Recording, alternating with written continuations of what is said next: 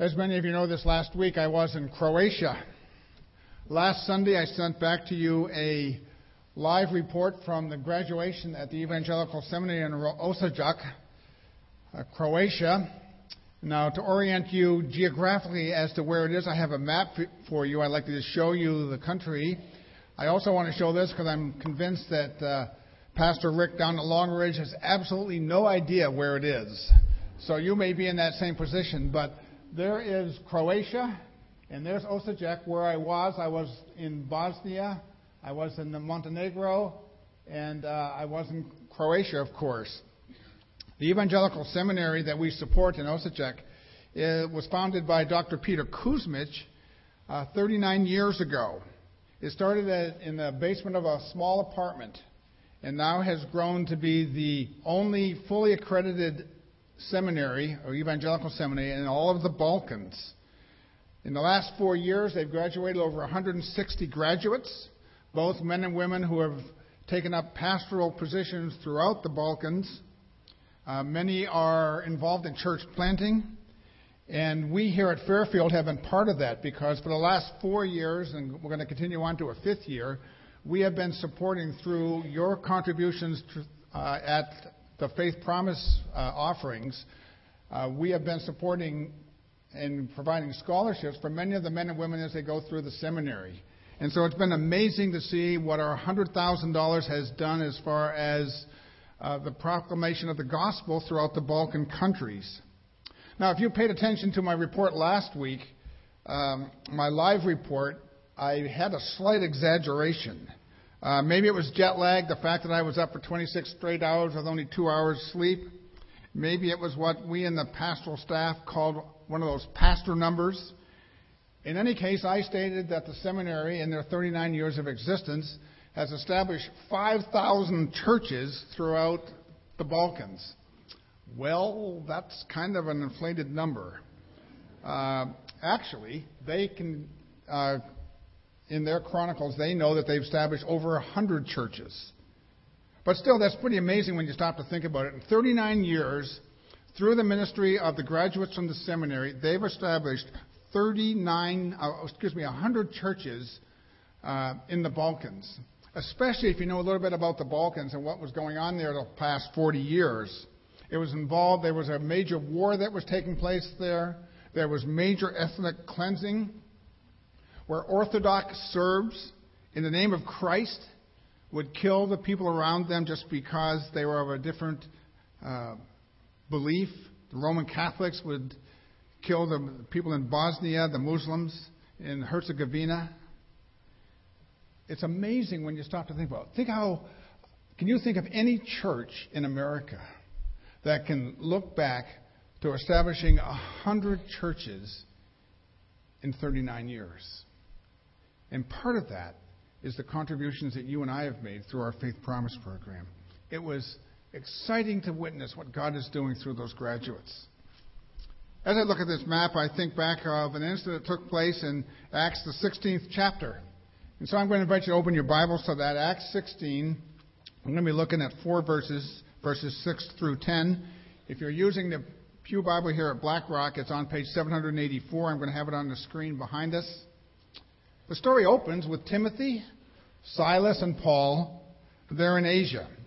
And so we're going to pick up the story in verse 6. Paul and his companions traveled throughout the region of Phrygia, Galatia, having been kept by the Holy Spirit from preaching the word in the province of Asia. When they came to the borders of Mysia, they tried to enter Bithynia, but the Spirit of Jesus would not allow them to. You know, we're not told how the Spirit of Jesus would not allow them to journey on. Some have speculated that because of a gift that was given to Silas, recorded in Acts the 15th chapter, the 32nd verse, where he had the gift of prophecy, that maybe there was a prophetic utterance that told Paul that they were not to go to Colossae, which is 140 miles uh, north of them, nor to Bithynia, nor to Nicaea. All those roads were blocked. And so in verse 8, they passed to Mysia and went to Troas. Now, what's going to happen in the next 24 hours is going to have eternal significance in the life of the church. I picture all of heaven pausing at this moment, looking at those three men Timothy, Silas, in particular Paul, and wondering what is going to happen. For this is one of those pivotal points that you and I may not fully appreciate in the history of the church. And what's going to happen is going to have an impact upon the church throughout the world. Verse 9. During the night, Paul had a vision of a man in Macedonia standing and begging him, Come over to Macedonia and help us. Two things happen here. First of all, Paul has this vision at night. He sees a man from Macedonia, a Greek, and the Greek speaks, Come over to Macedonia and help us. Look again at that map. If we could put that map up, back up on the screen. Here is Greece. Below Greece, there is a body of water called the Dardanelles. And on the other side of that is Turkey. And Paul's on the other side. And he's looking across at what we would call in our modern terminology Europe. And he has this vision a vision of, in the midst of his sleep, a man from Macedonia. And he says, This man, come over, help us. But there's a second element of the story, verse 10. After Paul had seen the vision, we got ready at once to leave for Macedonia, concluding that God had called us to preach. And this is why it's a decisive moment. Because Paul is in Troas, modern Turkey, and he looks across at Greece, across the Dardanelles. Verse 12 is going to indicate that he does go across the Straits of Dardanelles and goes to the city of Philippi. But what he has to hap- what has to happen here? Notice that that phrase, concluding that God had called us to preach. That's a decisive moment because Paul has to not only does he see the vision, he has to believe that it actually is from God. Now he could have woken up in the morning and said to Timothy and Silas, What was in that stew we had last night? I mean, I had this indigestion and, and, and you know, I had this crazy dream. And there was a, a man, I, man, that was terrible. Or he could have woken up the next morning and said, You know, I'm a Jew. And I don't think I want to go across that body of water into Greece. And I especially don't want to go to Rome because I'm not exactly sure how they're going to treat us. Or Paul could have thought back to the 14th chapter where Paul is with Barnabas. And everything is going just great. Matter of fact, it's going so good that the people come out and they declare to them, Well, you too must be part of the pantheon. You too must be gods. And so he calls Barnabas Zeus, the god of power. And he calls Paul, they call Paul Hermes, the god of wisdom. Everything is going just great. So why go? Paul could have said. Let's not rock the proverbial boat. Verse 10 again.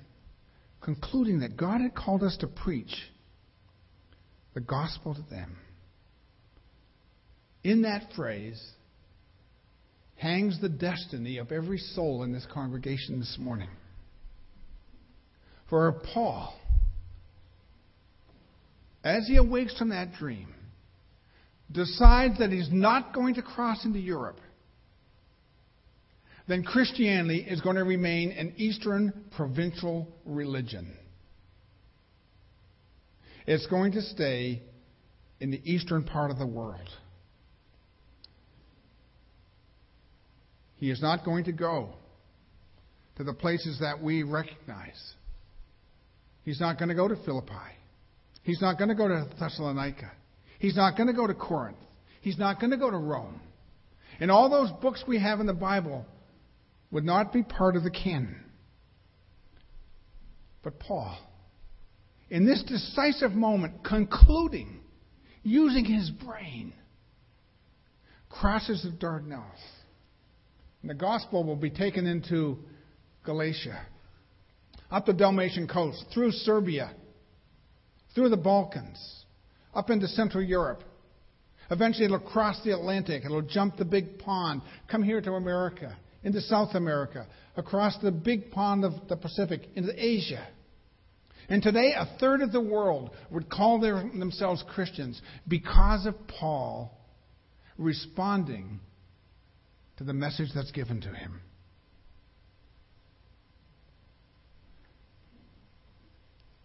If there's any verse that ought to be underlined in our Bibles in the book of Acts, it might well be the 16th chapter, the 10th verse. And what happens when they cross the Aegean and enter into modern Greece? Paul encounters two women. First, the good news. It's Lydia. Continuing on in the story, verse 13, on the Sabbath they went outside the city gate where they expected to find a place of prayer. We sat down and began to speak to the women who were gathered there.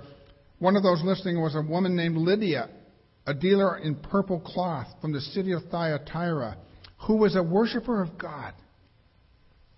Paul paints for us the story of Lydia, who was not a Christian at this point. She is simply, simply a worshiper of God.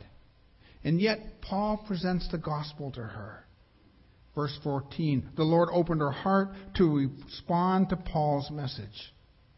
What a confirmation that Paul's doing the right thing. But there's a second woman he encounters in this chapter. Verse 16.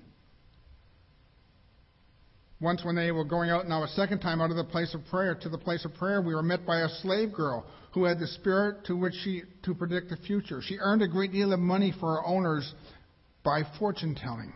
We have to leave the story there because of time, but if we were to continue on with the story, we'd find that she does not become a Christian.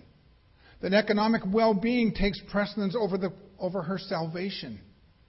As a matter of fact, Paul's going to wind up in jail as a result of her. He's going to wind up in the jail in Philippi. Three quick lessons for us this morning. First of all, we can be in the center of God's will, doing exactly what God has called us to do, and still have bad things happen to us.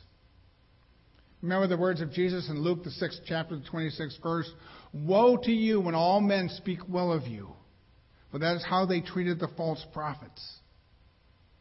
Dr. John Stott, the rector of All Souls Church in England, says this concerning this particular verse. Universal popularity was as much the lot of the false prophet as persecution was the sign of the true. If you seek the praise of men at all cost, you are in deadly peril. Again, Paul is in the center of God's will. And yet, bad things still happen to him. He winds up in prison. Second, for us here at Black Rock, maybe you're having one of those decisive moments in your life. God is calling you through the work of the Holy Spirit if you've never made the commitment to be a devoted Christ follower. This morning, is the moment when you come to the point of recognizing and acknowledging that Christ died on the cross for your sins, that he rose the third day, that he sits at the right hand of God the Father interceding on your behalf. And this is your decisive moment, your moment in human history to make that declaration.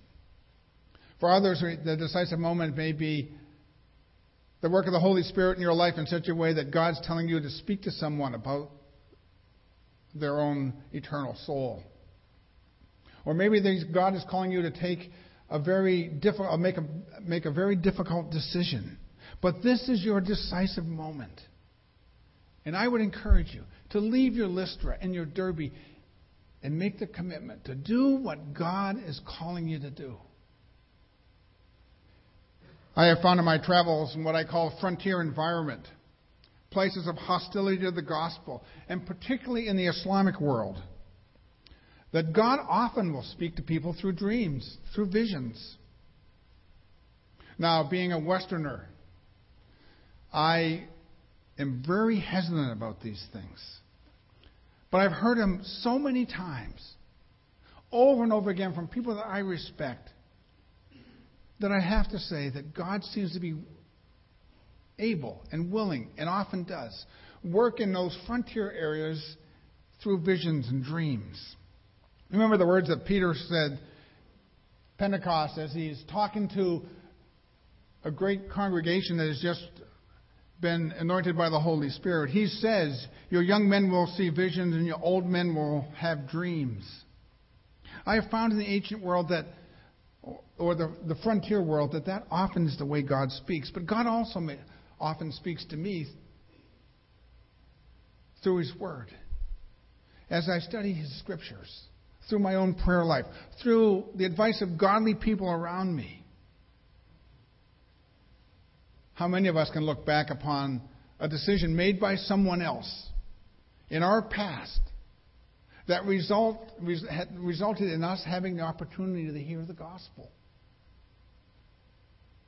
Something beyond our control that someone else did. One of our forefathers, one of our parents, one of our uncles, a Sunday school teacher. And that was our decisive moment because they were obedient.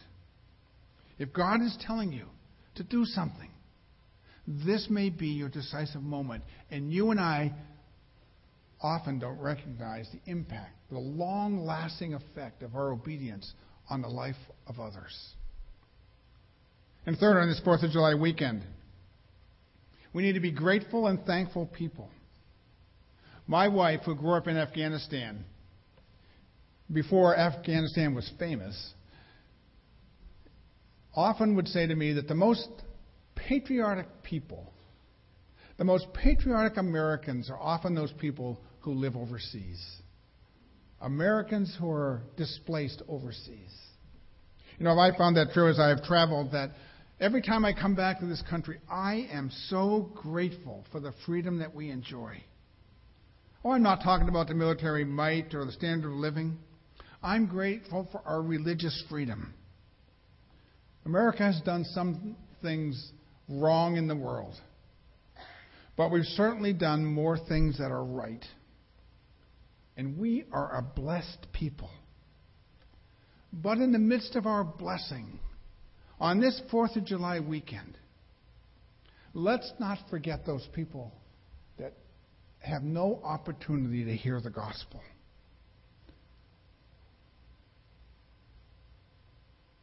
16 or 24 months from now, Lord willing, we're going to be worshiping in the new building.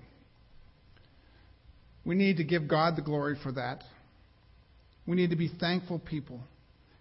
We can use that building to reach our community better, to worship God maybe in a, a unique and wonderful way. But let us not forget our sisters and brothers in Croatia, in Bosnia, Serbia, Montenegro. You know, when I was in Montenegro just two days ago, three days ago, I guess it was now, I found out that that country has a population of 630,000 people. It's not a very big country.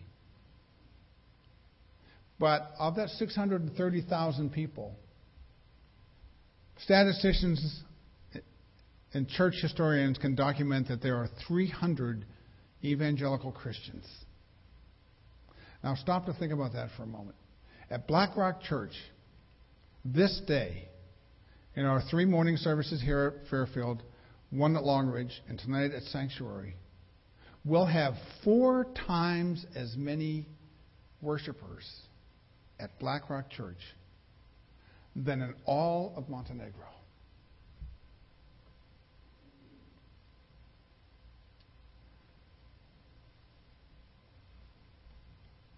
in the midst of our blessings. As I met with the 22 different pastors